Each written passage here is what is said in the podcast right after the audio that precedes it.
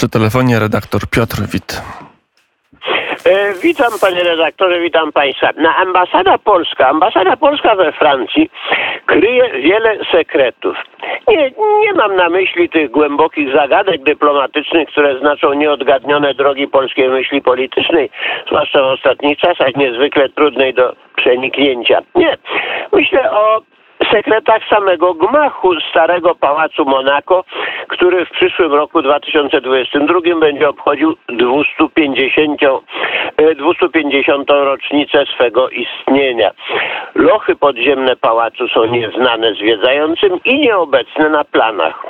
Najstarszy z nich prowadzi na południe. W jego prozaicznym przeznaczeniu nie ma nic niezwykłego. Łączył pałac z kuchniami umieszczonymi na zewnątrz, aby zapachy kuchenne nie drażniły powonienia mieszkańców. Znacznie ciekawszy jest późniejszy o 100 lat loch północny, wychodzący poza mur ambasady w kierunku esplanady inwalidów.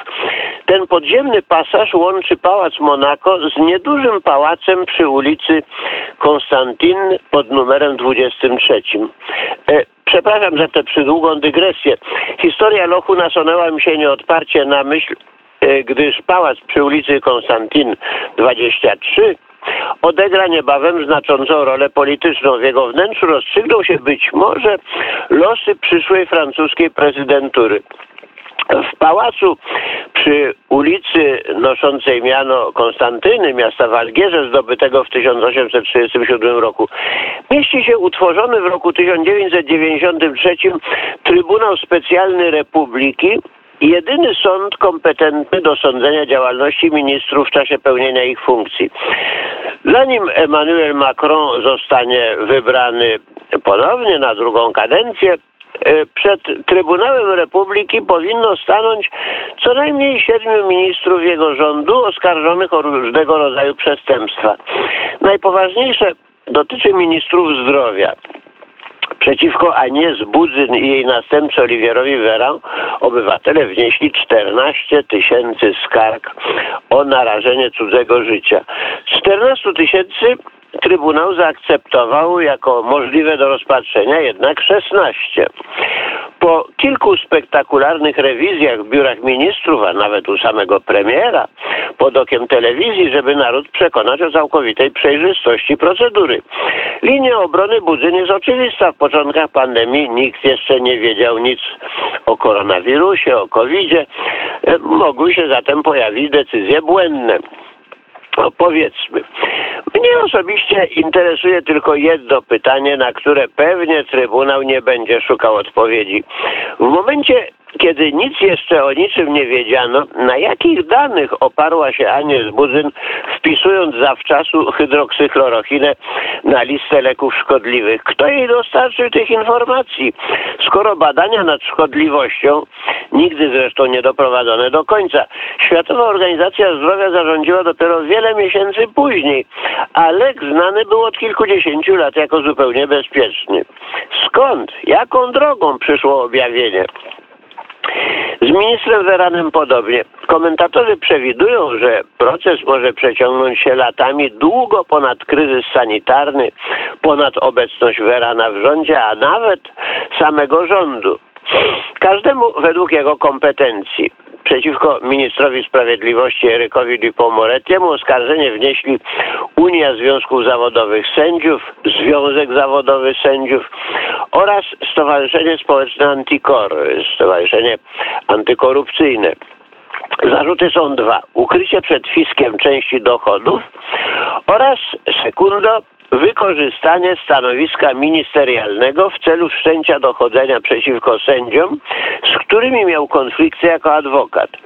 W jego przypadku ukrycie dużego zarobku obłożone jest karą do 5 lat więzienia i 500 tysięcy euro grzywny. Ale Grize, minister drobnych i średnich przedsiębiorstw. Minister zapomniał zadeklarować w oświadczeniu majątkowym obowiązującym ministrów 171 tysięcy euro. Ministrowie po prostu mają już tyle, że nie mogą spamiętać wszystkiego, co mają. Jamina Bengigi, minister frankofonii w rządzie Holanda i doradca Macrona w sprawach afrykańskich, została skazana również za niekompletną deklarację majątkową. Zapomniała zadeklarować 400 tysięcy. Kara zresztą do zniesienia 5 tysięcy euro. Minister Olivier Dussopt, kiedy był socjalistycznym merem miasta Annonay, przyjął w prezencie dwie ryciny od wdzięcznego operatora wody pitnej i nieczystości. Półtora roku później już jako minister zwrócił prezenty ofiarodawcy, ale było to już opublikowaniu historii przez agencję Mediapart. Policjanci, którzy przeprowadzili rewizję w jego domu cztery miesiące później, mogli być pewni, że już niczego nie znajdą. Jakiej wartości były ryciny? Co to były za ryciny? Jakiego autorstwa? Nikt nie pyta. Ze swej strony minister spraw zamorskich Sebastian Lecornu, kiedy przewodniczył Radzie Departamentu R, która przyznaje koncesję na budowę szos, zasiadał jednocześnie w towarzystwie autostrady Paryż-Normandia. Prokuratorze finans prokuraturze finansowej wydało się to nie bardzo katolickie i wniosła oskarżenie. Przeciwko ministrowi mającemu czuwać nad bezpieczeństwem obywateli były wniesione dwa oskarżenia o gwałt w zamian za obietnicę korzyści materialnych. Ministrowi Geraldowi Darmanin, to o niego chodzi, jako ministrowi spraw wewnętrznych powierzono śledztwo w sprawie Geralda Darmanin oskarżonego. Śledztwo zostało umorzone, ale nie jestem pewny, czy jeszcze o nim nie usłyszymy, kiedy obecna kampania prezydencka nabierze rozpędu. Niekoniecznie za sprawą Trybunału. Trybunał jest instytucją kontrowersyjną, składa się z 15 sędziów, w tym 6 deputowanych i 6 senatorów. Ministrowie przed sądem nie są we Francji niczym nowym, ale nigdy jeszcze tylu ich nie czekało w kolejce po wyrok. To też socjalista Holland i kryptosocjalista Macron obiecali znieść niewygodny trybunał. Ale na to należałoby zmienić konstytucję, co nie udało się ani jednemu, ani drugiemu ale może uda się i bez konstytucji. Jest pretekst. Od czasu, kiedy na scenie politycznej wyrósł Zemur, sondaże z dnia na dzień wykazują wzrost jego popularności. Kiedy doszedł do 16% poparcia, e, to znaczy największe dwa niezależne sondaże wskazały na jego pewną obecność w drugiej turze wyborów, największy dziennik Francji West zapowiedział, że on nie będzie publikował sondaży i wezwał inne media, aby poszły za jego przy przykładem. Więc wracając do lochu łączącego ambasadę z Trybunałem, kiedy przed laty pisałem monografię historyczną Pałacu Monako, próbowano z inicjatywy ówczesnego ambasadora, pana Jana Tombińskiego, wysądować jego przebieg. Okazało się to niemożliwe. Loch jest zamurowany i gruntownie zasypany gruzem.